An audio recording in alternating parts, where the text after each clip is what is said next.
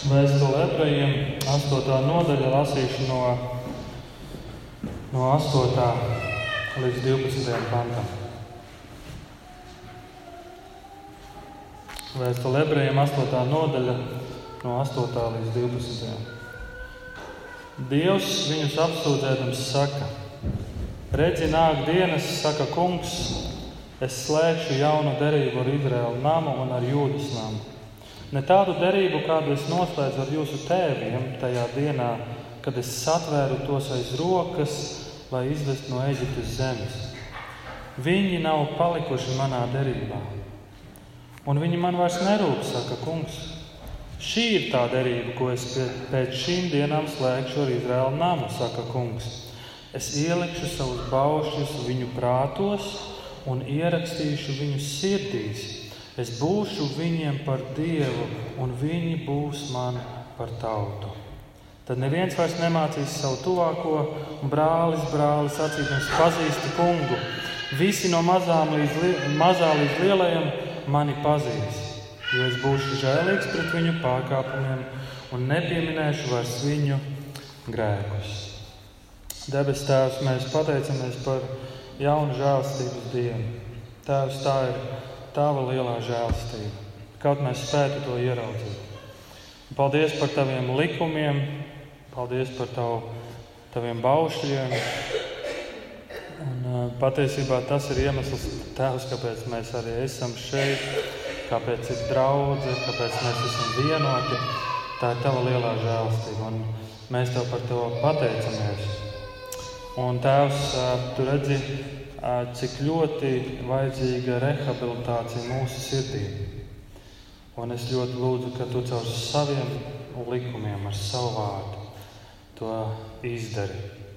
Un šai brīdī arī lūdzam par mācītāju ģirtu, ka tu īpaši uzlūko stiprina un atjauno viņu un lieto viņu tur slimnīcā esot. Ja es tavā vārdā, amen. Lūdzu, sēdieties. Mani sauc Raimons, un es esmu šīs draudzes diakons. Un, no laika pa laikam arī esmu viens no, no sludinātājiem. Un, un, Šodienas tēma, par ko, par ko es gribu ar jums domāt, ir likums, jeb likuma spēks.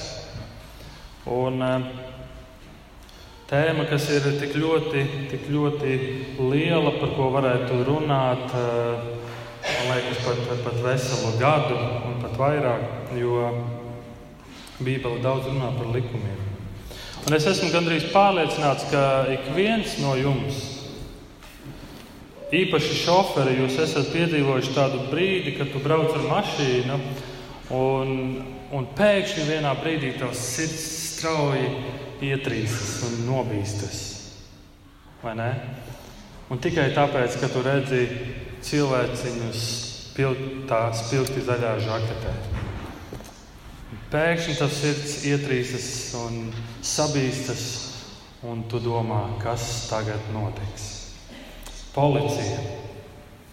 Un, ja tā domā, domā par, par policiju, tad tas ir ļoti apbrīnojami, kad ja brauc liela mašīna, liels furgons, liels kamas.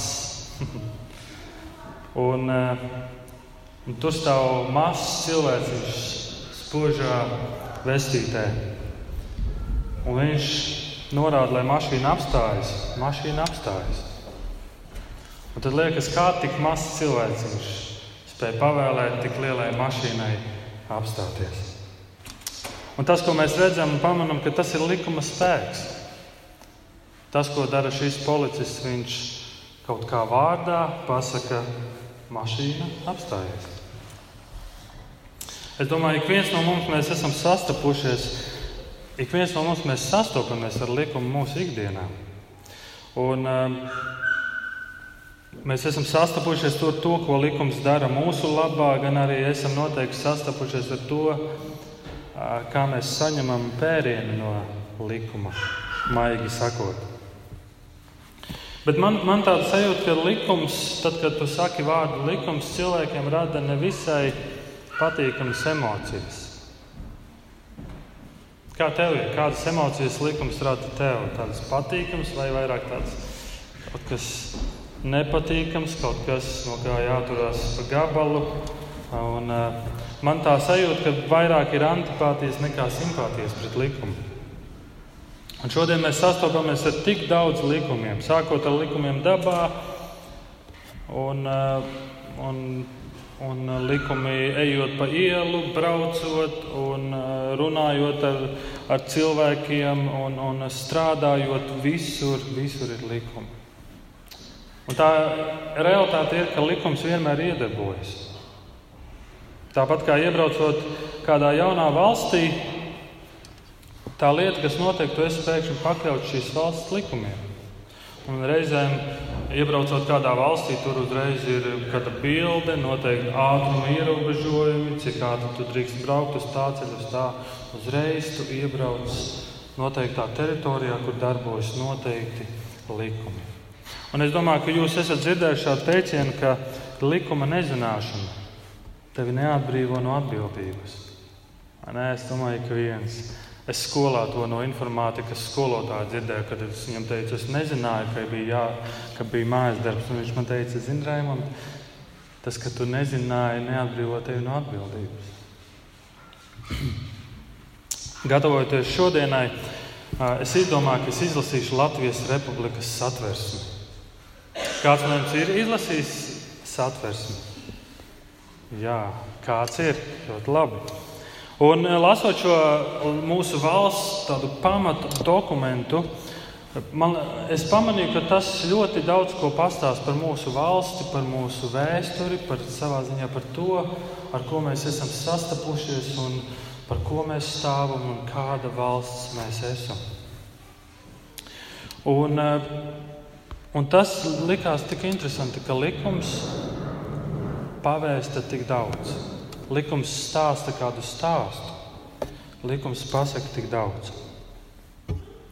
Un es šodien gribu uzdot kādus jautājumus, un arī ar jums kopīgi atbildēt uz, šie, uz šiem jautājumiem. Un viens no tādiem ir, kāpēc Dievs deva likumu? Noteikti jūs esat, kāds no jums esat jautājuši, kāpēc Dievs vispār deva likumu? Un pirmkārt, jau ir jāsaprot viena lieta, ka Bībele nav likumu grāmata. Bībele nav likuma grāmata. Es nezinu, vai tu esi lasījis likuma grāmatu. Eh, tā ir garlaicīga, manuprāt. Likumu grāmatu lasīt ir diezgan garlaicīgi. Kāds jurists šeit esot teiks, ko tu te runā, Raimond, likums ir ļoti interesants. Man šķiet, ir likuma grāmata ir kaut kas garlaicīgs, kaut kas ļoti detalizēts, un, un, bet tas ir svarīgs. Arī Bībele reizēm var būt garlaicīga. Ir ceļš, tad, kad tu sāc lasīt Bībeli no paša sākuma, un tu pirmo mūzu grāmatu, tad tur ir interesanti, tad otro mūzu, un tad tu nonāc trešajā mūzu grāmatā un liekas, wow, ar ko es šeit sastopos. Bet, lik, bet Bībele nav likuma grāmata, bet Bībele ir kā tāds liels stāsts, kurš runā un runā par likumiem. Bībele ir kā tāds liels stāsts par Dieva vareniem darbiem un Dieva tautas darbiem un nedarbiem. Šo stāstu ir sarakstījuši vairāki autori dažādos laikos. Un šis stāsts sākas ar to, ka Dievs ir radījis pasauli, Dievs rada cilvēku, cilvēks krīt grēkā, cilvēks tiek nošķirts no Dieva, Pēc tam sarodas daudz cilvēku, un viņi atkal sacēlas pret Dievu. Un stāsts turpinās ar to, ka Dievs iet un izvēlas vienu cilvēku, Ābrahāmu. Viņš izvēlas šo cilvēku, un, un viņš, šim, viņš Ābrahāmam sola, ka no viņa izveidos tautu. Un Dievs to arī dara. Un izveidojas Dieva tauta, Dieva izredzētā tauta, Izraēla tauta. Un tā notiek, ka Izraels nokļūst Eģiptē, un viņam sākumā iet labi, viņi tur ir pāēduši, nu, viņi sarodas ļoti daudz, un Eģiptē mainās ķēniņi, Eģiptē nomainās faraons, valdnieks, un tad Izraēla tauta tiek paverdzināta. Tautai ir grūts periods, un tad Dievs izvēlas mūzu un saka, mūzu, es gribu, lai tu izved manu tautu no Ēģiptes. Un tas, ko mēs lasām šajā notikumā, ka faraonam, faraona sirds ir cieta kā akmens. Un Dievs apcietina faraona sirdi. Un līdz ar to Eģipte piedzīvo daudzus briesmīgus momentus faraona cietās sirds dēļ.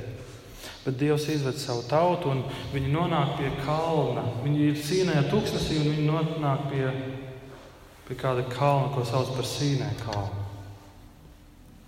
Un pie šī kalna notiek kaut kas ļoti vēsturisks. Gan to laiku tautai, gan arī priekš mums pašiem. Dievs dod likumu, Dievs dod baušļus. Kaut kas, kaut kas ļoti, ļoti svarīgs.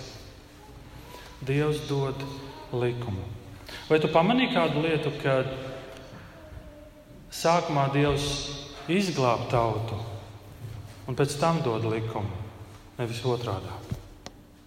Viņš sākumā izved tautu un tad dod likumu, bet nevis otrādi. Un lūk, ir tauta, kas iet pa tūkstnesi, un viņi ir bez likuma, un Dievs aizved viņus pie kalna. Viņš saka, es gribu slēgt ar tevi derību. Šis likums ir derība. Bet šis ir ļoti svarīgs moments, kad tauta, kas bija bez likuma, Dievs viņai dod likumu, dod derību, tā ir kā tāda cerība tautai, tā ir tautas nākotne. Likums nošķir Dieva tautu no citām tautām. Un šajā momentā ir jāsaprot, ka Dievs deva likumu tikai savai izredzētai tautai, nevis citām. Tas nebija likums visām tautām. Viņš deva savai tautai. Likums nošķir Dieva tautu no citām tautām.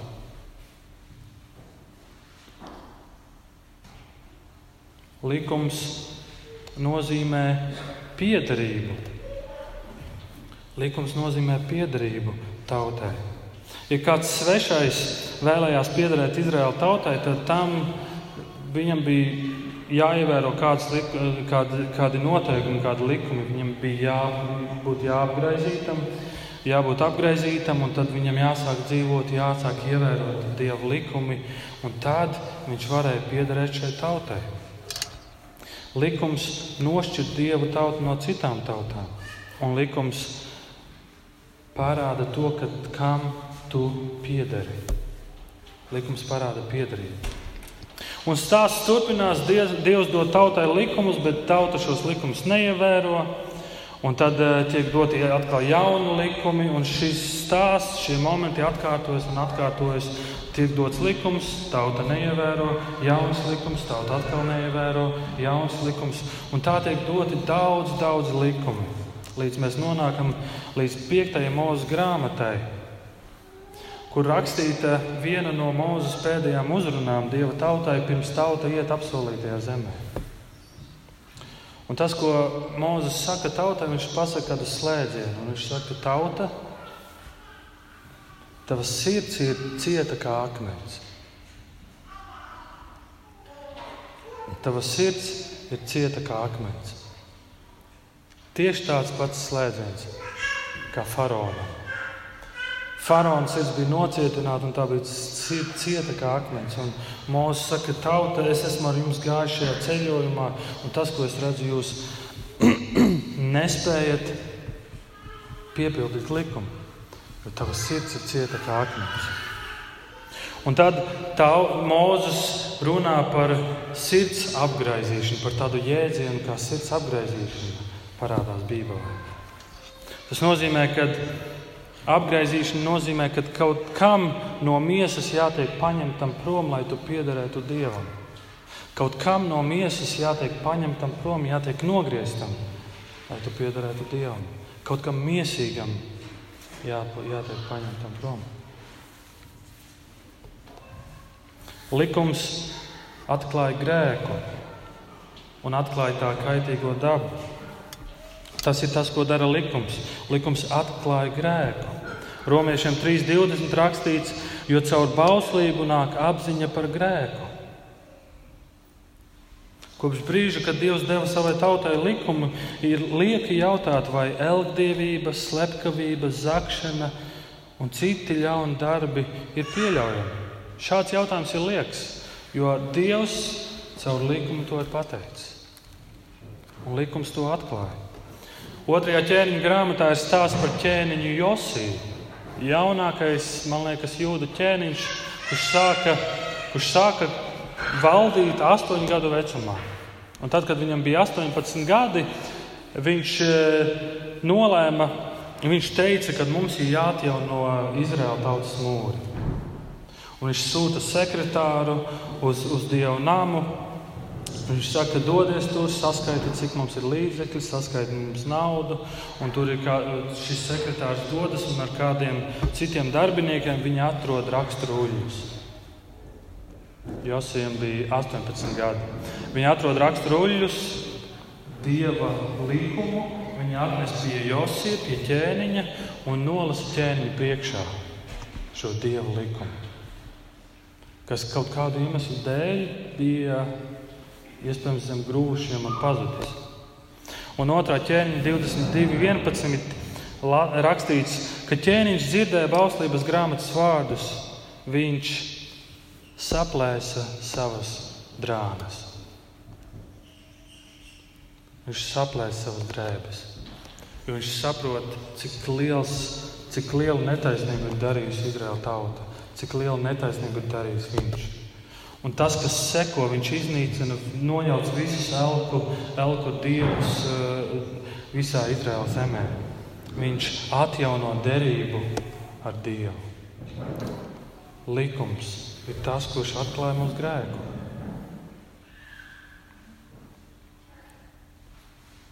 Mūzus praviešu Un dažādi praviešu slēdziens ir, ka dieva tautai ir problēmas ar likumu.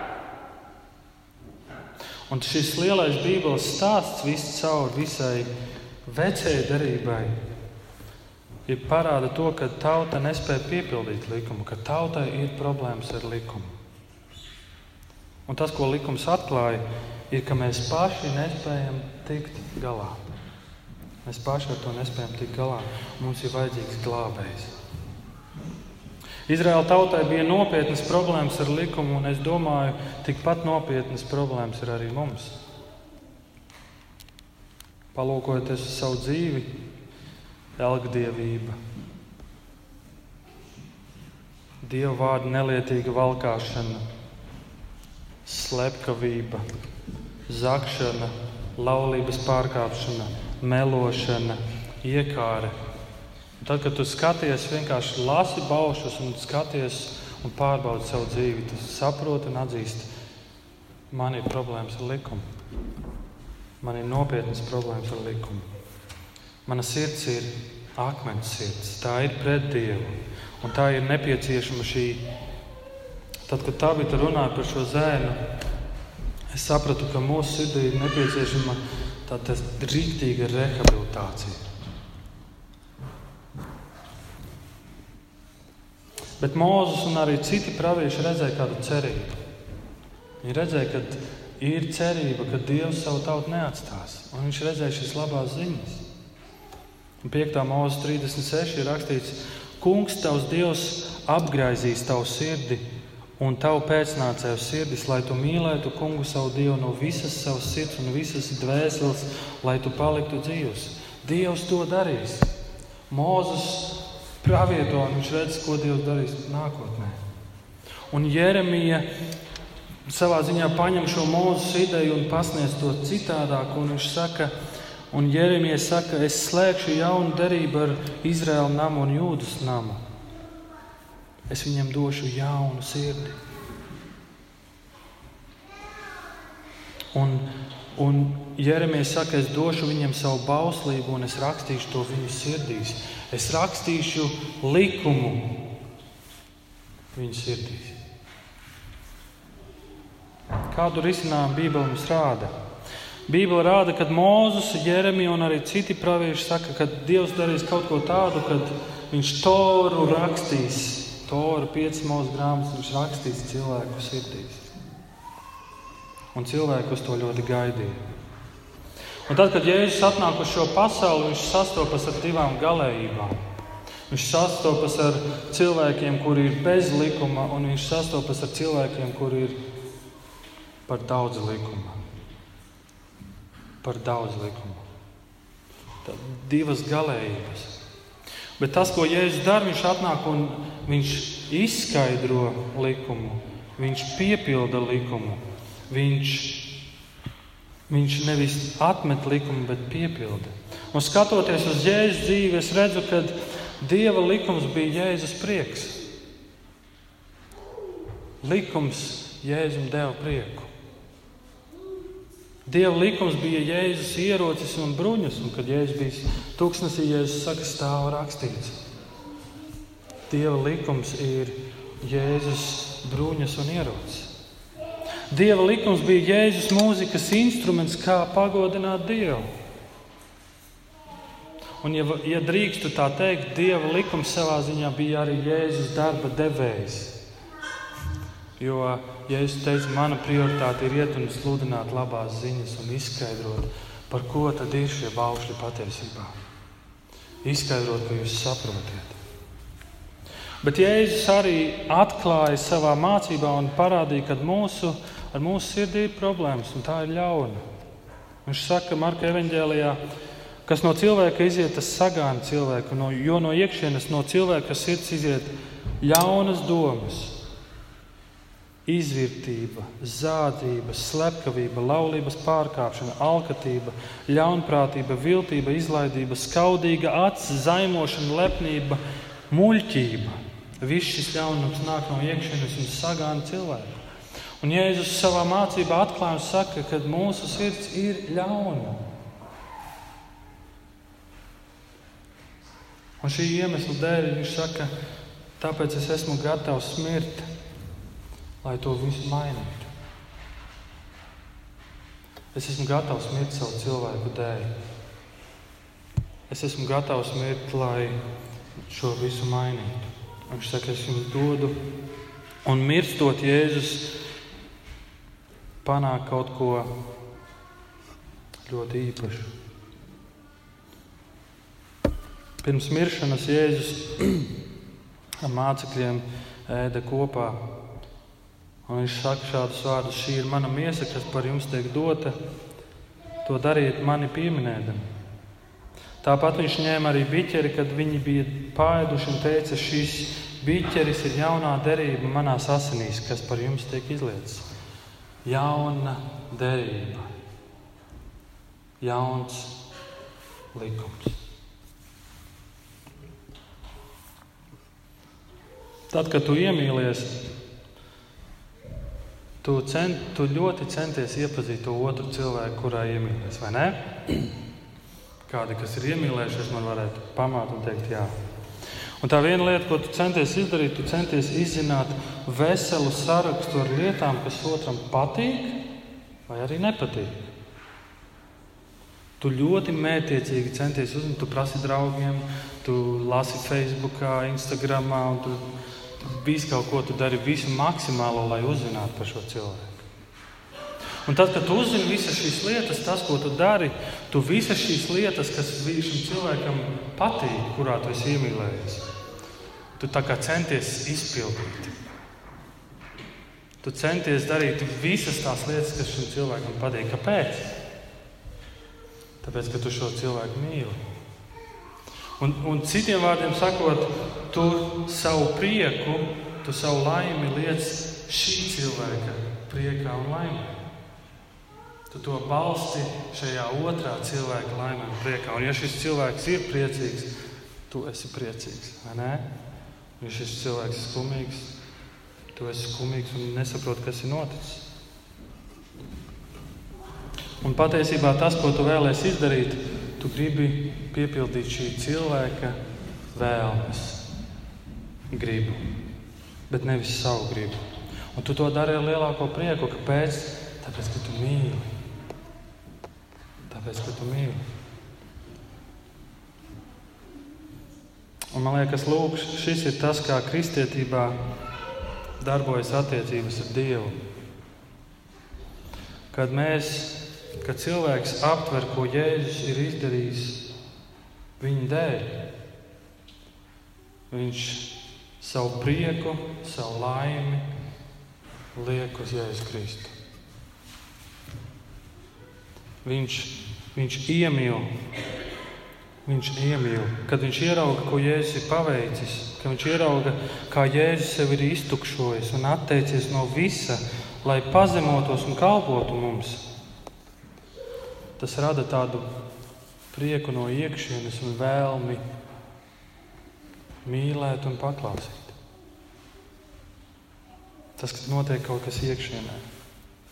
Un mēs savu prieku sākam likt viņa priekā, un kalpošana viņam kļūst tāda skaista brīvība.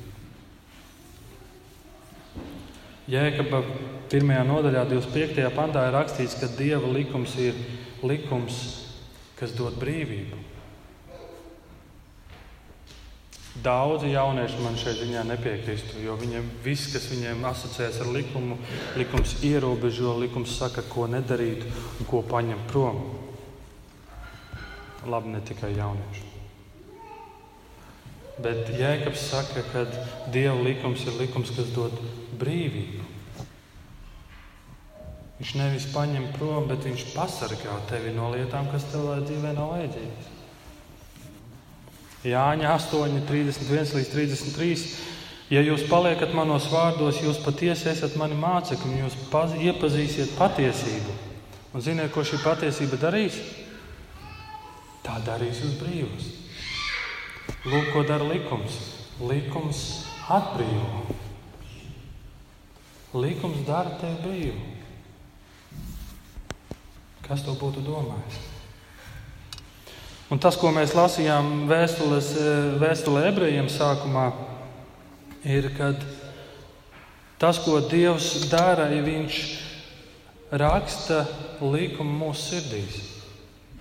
Kad mēs liekam savu ticību Jēzu Kristu, Dieva likums tiek rakstīts mūsu sirdīs. Tas vairs netiek ar kalti rakstīts vai ar tinti, tas tiek rakstīts mūsu sirdīs. Un tas nozīmē, ka mēs mīlēsim Jēzu, mēs gribēsim viņam sekot un piepildīt viņa gribu. Kāpēc? Tāpēc, ka mēs mīlam. Kā to var panākt? Kā var piepildīt Dieva gribu? Kā to panākt? Divi vārdi - pievēršoties likumam.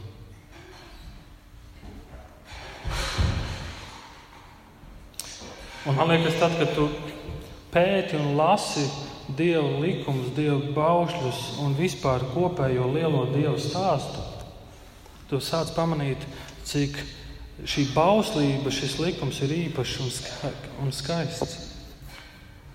Un ko dod Dieva likuma mācīšanās, jeb pazīšana, meklēšana, izpratne? Pirmkārt, Dieva likums palīdz labāk saprast, kāds ir Dievs.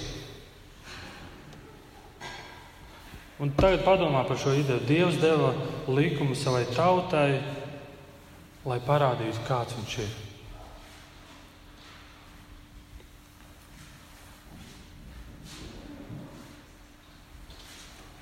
Trešā mūža 19. nodaļā Dievs izklāsta, tiek izklāstīts sīkāk desmit baušļi. Un tāpat laikā šie baušļi tiek apkopoti tie, tiek apkopoti vienā teikumā: mīli savu tuvāko kā sevi pašu. Un tu redzi, ka tas, ko Dievs dara, kāpēc Viņš dod likumu, Viņš saka, es gribu, lai visa tava ikdiena un praktiskā dzīve ir tā sakārtota, ka tā rūpējas par tavu tuvāko. Un šajā pat nodaļā Dievs otrajā pantā saka, esiet svēti, jo es esmu svēts. Citiem vārdiem sakot, ja tu vēlies mani pazīt, un tu vēlies kļūt man līdzīgāks, ņem vērā manas likumus. Paklaus tiem. Otrkārt, pētot, mācoties un satverot Dieva likumu, tu labāk iepazīsti sevi. Tu labāk iepazīsti sevi.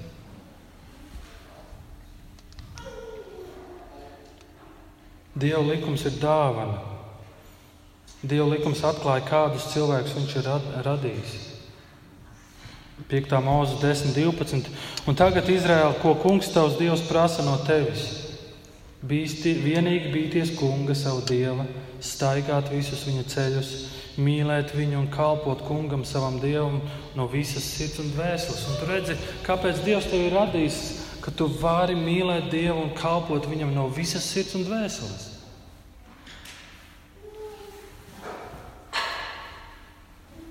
Un tad, kad mēs to nedarām, tad, kad mēs pārkāpjam šo likumu, mēs vēršamies pret paši sevi. Mēs neesam vairs laimīgi, tāpēc ka mēs nedzīvojam tā, kā Dievs mūs ir radījis. Bet Dievs mūs ir radījis priekš viņa. Treškārt, tad, kad tu saproti un satver Dieva likumu, tu saproti, ka tas ir ļoti sāpīgs process. Un kad mēs pilnībā sākam saprast, kādu, dzīvi, kādu dzīvi Dievs no mums pieprasīja, ziniet, paliek, paliek bail. Paliek bail. Mateja evanģēlijā Kalnu svētdienā Jēzus uzkāpa kalnā un runā uz, uz cilvēkiem, un tā kā tāds jauns mūzis, un die, dot baušļus. Un viņš izklāsta šos desmit baušļus daudz plašāk un dod jaunu likumu. Un ziniet, ko Jēzus saka Mateja Evanģēlijā, Kalnu svētdienā? Viņš parāda, kādai attieksmei mums jābūt, jābūt pret pasauli. Viņš saka, ka mums jābūt par sāli un gaismu. Jēzus saka, mums jārūpējas vienam par otru. Ja mēs ignorējam savu tuvāko un saucam viņu par muļķi, mēs uzbrukam radītājiem. Nekad neskaties uz kādu ar iekāri, dzīvo šķīstu dzīvi. Mums jārunā vienam ar otru tikpat atklāti kā tiesā, ja mēs būtu zvērējuši teikt taisnību un tikai taisnību. Mums tiek teikts, lai piedodam un mīlam savus ienaidniekus, pagriez otru vaigu, nevis meklē atriebību, dod nabagiem pretī negaidot, ziedo naudu un ne, esi nepārtrauktās lūgšanās, netiesā citus un beidz raizēties. Un kāds mācītājs, kad viņš sludināja kalnu svētdienu, viņš teica šādus vārdus: Dievs izglāb mūs no kalnu svētdienas. Dievs pasargā mūs no kalnu svētdienas. Jo, kad es klausos šiem likumiem, tu jūties kails, tu jūties kauna pilns un bezpalīdzīgs. Bet tāpat laikā tas tev liek meklēt žēlstību. Tu saproti, Dievs, es nespēju. Dievs, es nespēju. Un tāpēc arī Pāvils Romiešiem septiņi saka, bija laiks, kad es dzīvoju bez bauslības. Bet bauslim atnākot, grēks atdzīvojās un es nomiru. Tā nu tas pats bauslis, kas man bija dots uz dzīvību, izrādījās uz nāvi. Tādēļ, ka grēks, ieganstu guvis, mani caur bausli pievīla un nonāvēja. Tātad bauslība ir svēta, un bauslis ir svēts un taisns un labs.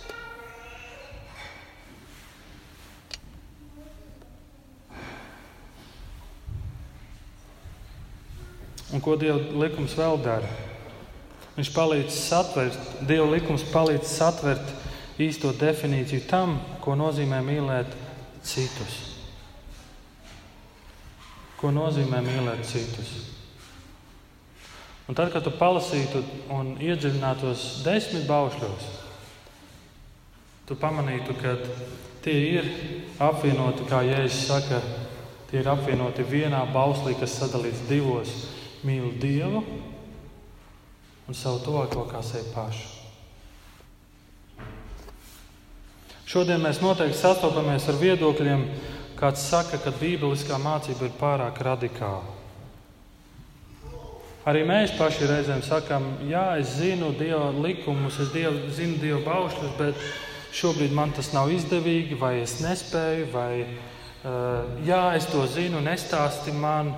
Un tik daudz ar tiem, šādiem viedokļiem mēs sastopamies. Un tad mēs sakām, pats galvenais, kas tev jādara, ir mīli savu tuvāko un dari viņam labāko. Bet šeit šis liek jautāt, Kā tu zini, kas ir labākais priekš otra? Mīli otru un dari viņam labāko, bet kā tu zini, kas ir labākais priekš otra? Vai pārgulēšana ar kādu pirms laulībām ir labākais otram vai sliktāks? Kā tu to zini? Kā tu vari zināt, tas ir labi otram vai, vai tas nav labi? Pēc kā tu to mēri, kā tu to vari pateikt? Un tāpēc likums ir veids, kā Dievs šodien ar mums komunicē un saka, ja tu vēlies mīlēt citus, rīkojies šādi. Un Dievs saka, es to zinu, jo es šo cilvēku radīju. Es esmu tas, kurš cilvēku ir radījis. Un tāpēc vislabākais veids, kā saprast, kā mēs varam mīlēt viens otru, kā mēs varam izturēties viens pret otru, kā mēs varam mīlēt, un rūpēties un gādāt un ievērot, ir ņemt vērā Dieva likumus.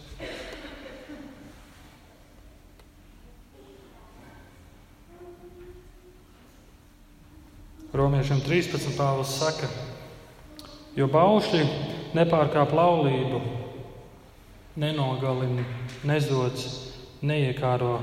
Un, ja vēl ir kāds cits bauslis, tie visi kopā izsakāmi šajā vārdā. Mīli savu tuvāko kā sevi pašu. Mīlestība tuvākajam ļaunu nedara. Tātad bauslības piepildījums ir mīlestība. Bauslības piepildījums ir mīlestība. Dievs sākumā izglāba tautu no Ēģiptes un tad deva baušļus.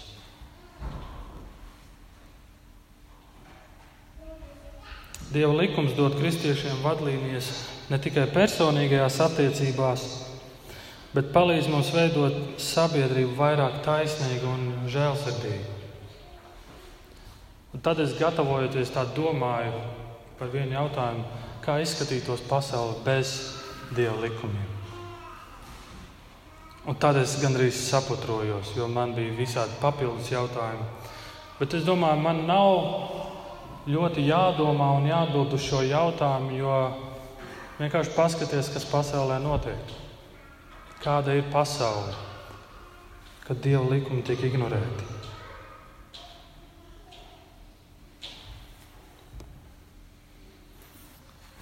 Un mums ir vajadzīgs Dieva likums, jo reizēm Dievs saka kādas lietas bez kaut kāda īpaša paskaidrojuma. Jo reizēm ir tā, ja es tev saku, lūdzu, aiziet tur un izdari to, bieži vien pretarguments ir, bet kāpēc? Bet reizēm Dievs dod likumu, Dievs dod norādījumu, saka, dari tā. Un nedod paskaidrojumu. Ādams un Ieva Nē, no tā koka. Tev nebūs ēst no tā koka. Un mēs tur neredzam sarunu, bet Dievs, kāpēc nedrīkst ēst? Vienkārši Dievs teica, nē, un viss vienkārši paklaus. Un reizē mums ir jāpilda Dieva likums tikai tāpēc, ka Viņš ir mans Dievs. Jā, es daudzas lietas līdz galam nesaprotu, bet es redzu, ka Dievs to tā saka, Vienkārši paklausi. Tu nekad, nekad neizpratīsi Bībeli, ja tu nepaklausīsi. Un ir svarīgi darīt Dievu gribu ne tikai tāpēc, ka tas ir aizraujoši, vai tikai tāpēc, ka tas dod kādu labumu, bet tāpēc, ka es pazīstu manu Dievu. Es zinu, kas ir Kungs un Dievs. Es zinu, ka Jēzus ir mans ķēniņš, un viņš ir ne tikai draugs, bet arī ķēniņš, un es gribu viņam paklausīt, jo es viņu mīlu. Viņa bauslis man ir svarīgs. Viņa bauslis ir svarīgs. Dieva baušļi ir Dieva likums, atšķir mūs no citiem, dod gudrību, atziņas dziļumu, atklāj mūsu patieso stāvokli, norāda uz atgriešanos Dieva likums ir labākā diēta mūsu garīgiem cilvēkam. Dieva likums ir labākā diēta mūsu garīgiem cilvēkam. Un Dieva likums atklāja mums Dievu. Dievs deva likumu, lai atklātu sevi. Padomā par šo, man liekas, tik skaisto domu, ka Dievs dod likumu, lai atklātu sevi. Un viņš ļoti grib atklāties, viņš grib būt pazīstams. Un, draudzē, mājas darbs jums šodien. Vakarā vai pēc dievkalpojuma izlasiet 119. psalmu. Nav īss, bet izlasiet to. Lūksim Dievu. Devis Tēvs, paldies par uh, Tavu vārdu. Un paldies par to, ka mēs dzīvojam jaunā derības laikā. Un paldies par to, ka mēs neesam zem bauslības. Un tas nozīmē, ka nevis ka mēs neklausām bauslībai, bet ka mēs nepaļaujamies uz saviem darbiem. Mēs nepaļaujamies uz bauslību. Bet, ja mēs paļaujamies uz tevi, uz to, ka tu nāci un piepildīji likumu, piepildīji bauslību, un ka tevī mums ir cerība un atdošana. Un tu redzi, cik eh, ļoti tavs likums un tavs vārds ir vajadzīgs manā dzīvē. Un, eh, es ļoti gribētu, Tēvs, lai mana dzīve ir tava vārda slīpēta un veidota. Ka manā dzīvē ir šī vienkāršā paklausība, arī ja līdz galam es nesaprotu. Un es ļoti lūdzu, ka mēs esam draugi, kas ir tava vārda slīpēta un veidota. Jā, ka tas nav tikai svētdienās priekšā. Es ļoti lūdzu, ka tas, kas notiek šeit svētdienās, tā nav mūsu dzīves kulminācija, bet tā ir ikdiena. Jā, Jēzus palīdz mums uz to un uh, atklāj un svētī un māca mums Jēzus vārdā. Āmen!